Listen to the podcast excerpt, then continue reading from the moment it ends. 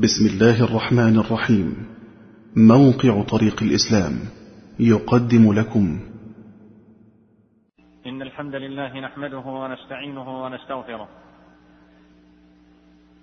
ونعوذ بالله تعالى من شرور أنفسنا ومن سيئات أعمالنا. من يهده الله فلا مضل له ومن يضلل فلا هادي له. وأشهد أن لا إله إلا الله وحده لا شريك له.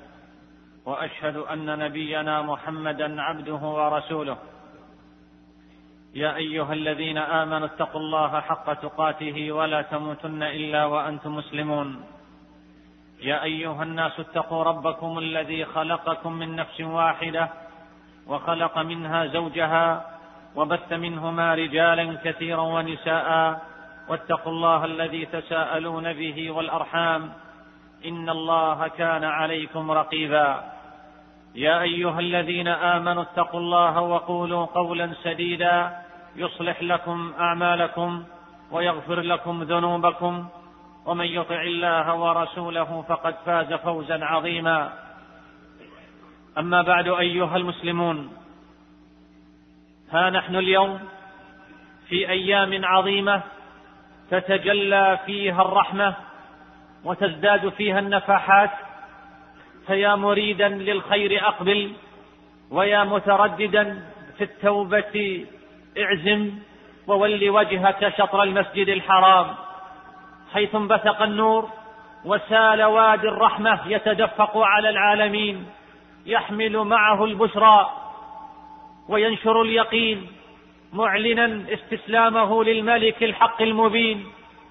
يجول بخاطره وهو ينظر إلى ثرى مكة فيرى خيال الحبيب صلى الله عليه وسلم وهو يخطو خطواته الأولى هاديا ومبشرا ونذيرا وداعيا إلى الله بإذنه وسراجا منيرا ففي المشاعر ذكريات وفي ربى الحرم جهاد وصبر وتضحيات وألم ومقاطعة وجوار ودموع ساخنات من نفوس خاشعات. قف أيها المسلم وانظر عبر نافذة التاريخ إلى محمد بن عبد الله صلى الله عليه وسلم وقد أنزل الله تعالى عليه قوله وأنذر عشيرتك الأقربين فأتى النبي فأتى النبي صلى الله عليه وسلم الصفا فصعد عليه ثم نادى يا صباحا فاجتمع إليه الناس بين رجل يجيء إليه بنفسه وبين رجل يبعث رسوله فقال الرسول صلى الله عليه وسلم يا بني عبد المطلب يا بني لؤي أرأيتم لو أخبرتكم أن خيلا بسفح هذا الجبل تريد أن تغير عليكم صدقتموني؟ قالوا نعم. قال فإني نذير لكم بين يدي عذاب شديد. فقال أبو لهب تبا لك سائر هذا اليوم ألهذا دعوتنا؟ فأنزل الله جل وعز تبت يدا أبي لهب وتب. رواه الإمام أحمد والبخاري ومسلم وأصحاب السنن. إنها إنها هجمة شرسة من العشيرة والأقربين. تلقي حممها وتنفخ شررها في وجه الدعوة وحامل تلك الدعوة. خير من وطأت الأرض خير من وطئ الأرض وخير خلق الله أجمعين. صلى الله عليه وسلم ياتيهم حاملا اليهم البشرى بتوحيد رب العالمين والنذاره من عذابه الاليم فيقال له تبا لك تبا لك سائر هذا اليوم الي هذا جمعتنا فيا عجبا من قوم يقابلون من يدعوهم إلى النجاه فيدعونه إلى الجحيم ايها المسلم في صحن الحرم وأنت تركع ركعتي الطواف. تأمل وتذكر حبيبك صلى الله عليه وسلم. وهو يناجي ربه في جنبات بيته ويصلي. وأبو جهل وأصحاب له جلوس. فقال بعضهم لبعض أيكم يجيء بسلا جزور بني فلان؟ فيضعه على ظهر محمد إذا سجد. فانبعث اشقى القوم. وهو عقبة بن أبي معيط. فجاء به فنظر حتى إذا سجد النبي صلى الله عليه وسلم وضعه على ظهره بين كتفيه فقال عبد الله بن مسعود رضي الله عنه راوي الحديث وأنا أنظر لا أغني عنه شيئا لو كانت لي منعة قال فجعلوا يضحكون ويحيل بعضهم على بعض أي يتمايل بعضهم على بعض مرحا وبطرا ورسول الله صلى الله عليه وسلم ساجد لا يرفع رأسه حتى جاءت فاطمة فطرحته عن ظهره فرفع رأسه صلوات ربي وسلامه عليه ثم قال اللهم عليك بقريش ثلاث مرات فشق ذلك عليهم وكانوا يرون أن الدعوة في ذلك البلد مستجابة ثم سمى عليه الصلاة والسلام اللهم عليك بأبي جهل وعليك بعتبة بن ربيعة وشيبة بن ربيعة والوليد بن عتبة وأمية بن خلف وعقبة بن أبي معيط وعد السابع فلم نحفظ فوالذي نفسي بيده لقد رأيت الذين عد النبي صلى الله عليه وسلم صرعى في القليب في قليب بدر رواه البخاري في صحيحه. أيها المسلمون هذان موقفان من مواقف الدعوة. في جنبات بيت الله الحرام في صحنه وعلى ظهر الصفا. تأملوا يا عباد الله كيف كان عنة المعاندين وصلفهم وقوة استهزائهم. ثم انقلب صفحات الزمن سنين عددا مليئة بالحزن والجهد والدعوة والكفاح المرير والغزوات وفقد الأحباب وبسالة الأصحاب وهجرة الأوطان ولا يغب عن ذهنك يا أخي الحبيب. ثاني اثنين إذ هما في الغار. ثم ثم من المدينة النبوية عد إلى نفس المكان إلى صحن المسجد الحرام. ومحمد بن عبد الله هو نفسه صلى الله عليه وسلم لكنه ليس ضعيفا ولا وحيدا هذه المرة بل حوله بل حوله عشرة آلاف من المهاجرين والأنصار. في يوم الفتح الأعظم حين أعز الله دينه ونصر رسوله ومنه بدأ تاريخ البلد الحرام تاريخا إسلاميا أمنا ومنارة للهدى. فاستبشر فاستبشر أهل السماء وضربت أطناب العزة في مناكب الجوزاء ودخل الناس في دين الله أفواجا ودخل الناس في دين الله أفواجا وأشرقت الأرض بيوم الفتح ضياء وابتهاجا وعلت راية الحق في كبد السماء سراجا وهاجا وهطل غيث الهداية وهطل غيث الهداية وحيا يقطر في القلوب سجاجا فارتوت أكباد العطاش إلى النور فارتوت أكباد العطاش إلى الهدى والنور وتبسمت شفاه المؤمنين بيوم البعث والنشور فأقبل ابن عبد المطلب بأبي هو وأمي صلى الله عليه وسلم والمهاجرون والأنصار بين يديه ومن خلفه وعن يمينه وعن شماله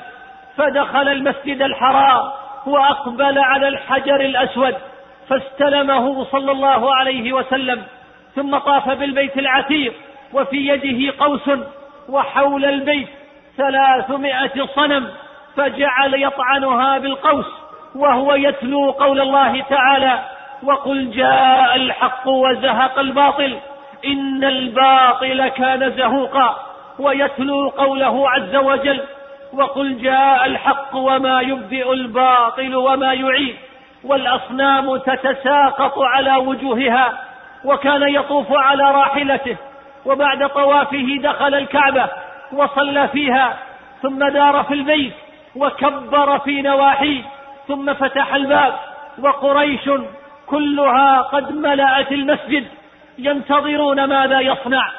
فأخذ عليه الصلاة والسلام بأطراف الباب وهم تحته فقال لا إله إلا الله وحده لا شريك له. صدق وعده ونصر عبده وهزم الأحزاب وحده.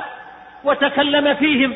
ثم قال يا معشر قريش ما ترون أني فاعل بكم؟ فقالوا خيرا أخ كريم وابن أخ كريم. قال فإني أقول مثل ما قال يوسف لإخوته لا تثريب عليكم اليوم اذهبوا فأنتم الطلقاء. معاشر حجاج هذا العام وكل عام وأنتم تطوفون بالبيت تذكروا كم بذل النبي صلى الله عليه وسلم وكم بذل أصحابه رضي الله عنهم ليصبح البيت كما أراده الله مثابة للناس وأمنا. وتأملوا كلمة التوحيد التي رفعها حبيبنا صلى الله عليه وسلم مدوية في آفاق الحرم توحد الله وتقر له أنه أنجز وعده ونصر عبده. وهزم الأحزاب وحده وهي الشهادة التي يكررها كل حاج أو معتمر يطوف بالصفا والمروة لتعلن للتاريخ أن مقولة أبي لهب تبا لك سائر هذا اليوم عادت إلي وانقلب تأثيرها علي فعاد محمد صلى الله عليه وسلم وأصحابه بعد أن كانوا أذلة عادوا أعزة فاتحين. مهللين مكبرين وللحي القيوم موحدين قد فتحوا البلاد وقلوب العباد وخضع للحق الحاضر والباد.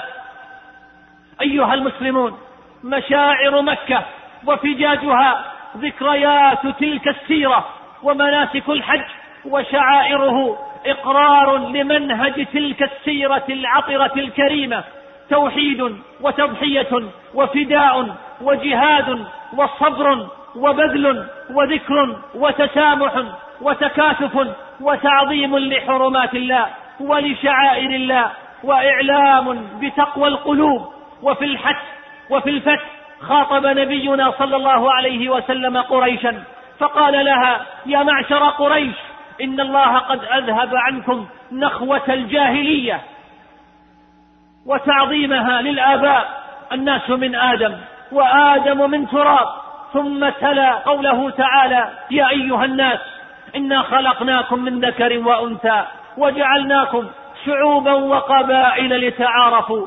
إن أكرمكم عند الله أتقاكم. إن الله عليم خبير. ففي الحج يا عباد الله يتبين هذا المنهج.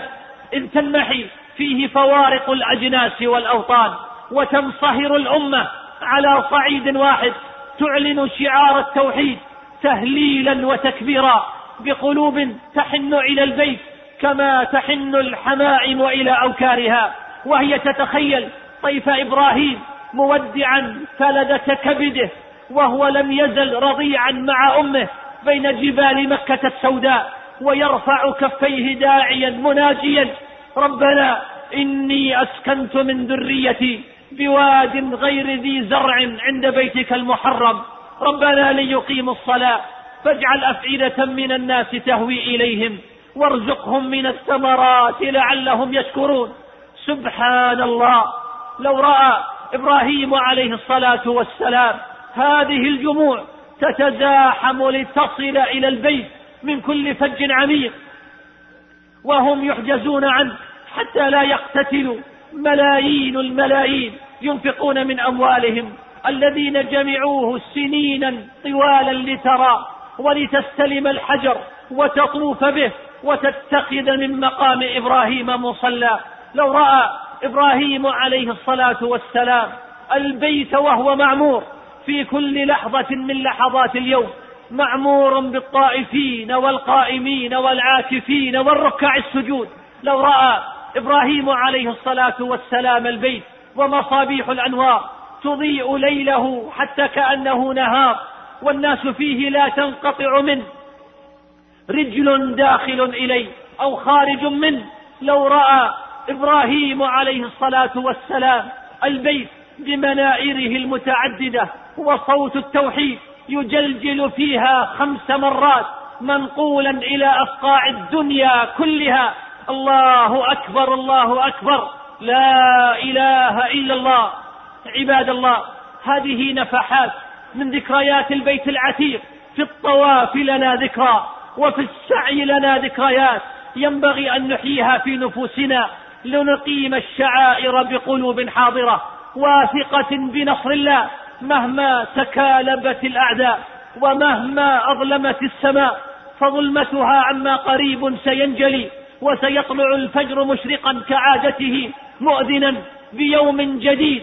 أشبه ما يكون بيوم الفتح فتح القلوب لتفقه الحق وتعقله وفتح الآذان لتسمعه والأعين لكي تبصره وقيادة الجوارح لكي تتبع النبي صلى الله عليه وسلم سلوكا وعملا وخلقا وعبادة. وتأملوا يا عباد الله وقد حانت الصلاة فأمر النبي صلى الله عليه وسلم بلالا رضي الله عنه أن يصعد فيؤذن على الكعبة وأبو سفيان بن حرب وعتاب بن أسيد والحارث بن هشام جلوس بفناء الكعبة. فقال عتاب لقد أكرم الله أسيدا ألا يكون سمع هذا فيسمع منه ما يغيظه.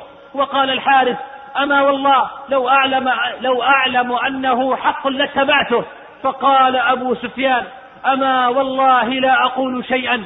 لو تكلمت لأخبرت عني هذه الحصباء فخرج عليهم النبي صلى الله عليه وسلم فقال لهم قد علمت الذي قلتم ثم ذكره لهم.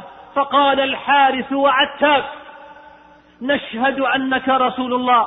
والله ما أطلع والله ما اطلع على هذا أحد معلنا. فنقول أخبرك فيا من؟ فيا من شهدتم أنه لا إله إلا الله وأن محمد رسول الله؟ لا تجعلوا دعاء الرسول بينكم كدعاء بعضكم بعضا. قد يعلم الله الذين يتسللون منكم لواذا فليحذر الذين يخالفون عن أمره. أن تصيبهم فتنة أو يصيبهم عذاب أليم. ألا إن لله ما في السماوات والأرض. قد يعلم ما أنتم عليه ويوم يرجعون إليه فينبئهم بما عملوا والله بكل شيء عليم. نفعني الله وإياكم بهدي كتابه واتباع سنة نبينا محمد صلى الله عليه وسلم. أقول هذا القول وأستغفر الله لي ولكم فاستغفروه إنه هو الغفور الرحيم. الحمد لله على إحسانه وأشكره على توفيقه وامتنانه وأشهد أن لا إله إلا الله وحده لا شريك له تعظيما لألوهيته وربوبيته وأسمائه وصفاته وأشهد أن نبينا محمدا عبده ورسوله الداعي إلى جنته ورضوانه فصلوات ربي وسلامه عليه وعلى آله وعلى أصحابه وسلم تسليما مزيدا. أما بعد أيها المسلمون قوافل المسلمين في مشارق الأرض ومغاربها قد توجهت إلى مكة. آمين. البيت الحرام. يبتغون فضلا من ربهم ورضوانا. بالدعاء لهم عجيج وبالبكاء لهم نشيج يلبون فتهتز المشاعر يلبون فتهتز المشاعر ويدعون فتثار المشاعر. لربهم يذكرون. وبحمده يمجدون. ولفضله ونعمته يشكرون. في مشهد مهيب ومنظر بهيج ولو لم يرد ولو لم يرد يا عباد الله في فضل الحج إلا قوله صلى الله عليه وسلم من أتى هذا البيت فلم يرفث ولم يفسق رجع كيوم ولدته أمه أخرجاه من حديث أبي هريرة. لو لم يكن إلا هذا الحديث لكفى به مشوقا للبيت الحرام ومعينا على السباق مع الأيام للتعرض للنفحات وتنزل الرحمات والعتق من النيران. واستمع يا رعاك الله إلى قول نبيك صلى الله عليه وسلم ما من يوم أكثر من أن يعتق الله فيه عبدا أو عبيدا من النار من يوم عرفة وإنه ليدنو. ثم يباهي ثم يباهي بهم الملائكة فيقول ما أراد هؤلاء. أخرجه مسلم في صحيحه من حديث أم المؤمنين عائشة رضي الله تعالى عنها وعن أبيها.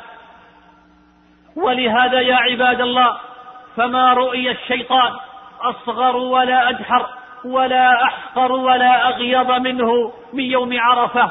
لما يرى لما يرى من تنزل الرحمة وتجاوز الله تعالى عن الذنوب العظام ومغفرة الكبير من الآثام إلا ما رؤي من منه يوم بدر. قال ابن المبارك رحمه الله تعالى جئت إلى سفيان الثوري رحمه الله عشية عرفة وهو جاث على ركبتي وعيناه تهملان فالتفت إلي فقلت له ما أسوأ هذا الجمع حالا؟ قال الذي يظن أن الله لا يغفر لهم ونظر الفضيل بن عياض رحمه الله إلى نشيج الناس وبكائهم عشية عرفة فقال أرأيتم لو أن هؤلاء صاروا إلى رجل فسألوه دانقا والدانق هو سدس الدرهم لو أن هؤلاء صاروا إلى رجل سألوه دانقا أكان يردهم؟ قالوا لا. قال والله للمغفرة عند الله. أهون من إجابة رجل لهم بدانق. وإني لأدعو الله أسأل عفوه. وأعلم أن الله يعفو ويغفر. لئن أعظم الناس الذنوب فإنها وإن عظمت في رحمة الله تصغر. فمن رزقه الله يا عباد الله من رزقه الله الوقوف بعرفة في هذا العام. فلير الله خيرا من نفسه بدمع غزير وقلب منيب. ومن حرم الوقوف مع الواقفين فلا يحرمن الصيام مع الصائمين فصومه تطوعا يكفر ذنوب سنتين. سنة ماضية وسنة مقبلة. قال صلى الله عليه وسلم ما من أيام العمل الصالح فيها أحب إلى الله تعالى من هذه الأيام. يعني أيام العشر. قالوا يا رسول الله ولا الجهاد في سبيل الله. قال ولا الجهاد في سبيل الله.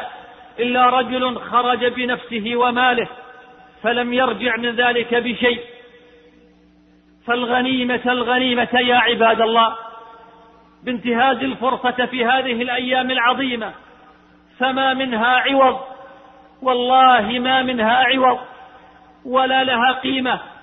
المبادرة المبادرة بالعمل والعجل العجل قبل هجوم الأجل. قبل أن يندم المفرط على ما فعل قبل أن يسأل الرجعة ليعمل صالحا فلا يجاب إلى ما سأل قبل أن يحول الموت بين المؤمل وبلوغ الأمل قبل أن يصير المرء مرتهنا في حفرته بما قدم من عمل. اللهم رحمة اهد بها قلوبنا ونسألك اللهم أن تجمع بها شملنا وأن تلم بها شعثنا وأن ترد بها الفتن عنا. اللهم رحمة اهد بها قلوبنا. ونسألك اللهم أن تجمع بها شملنا. اللهم رحمة اهد بها قلوبنا.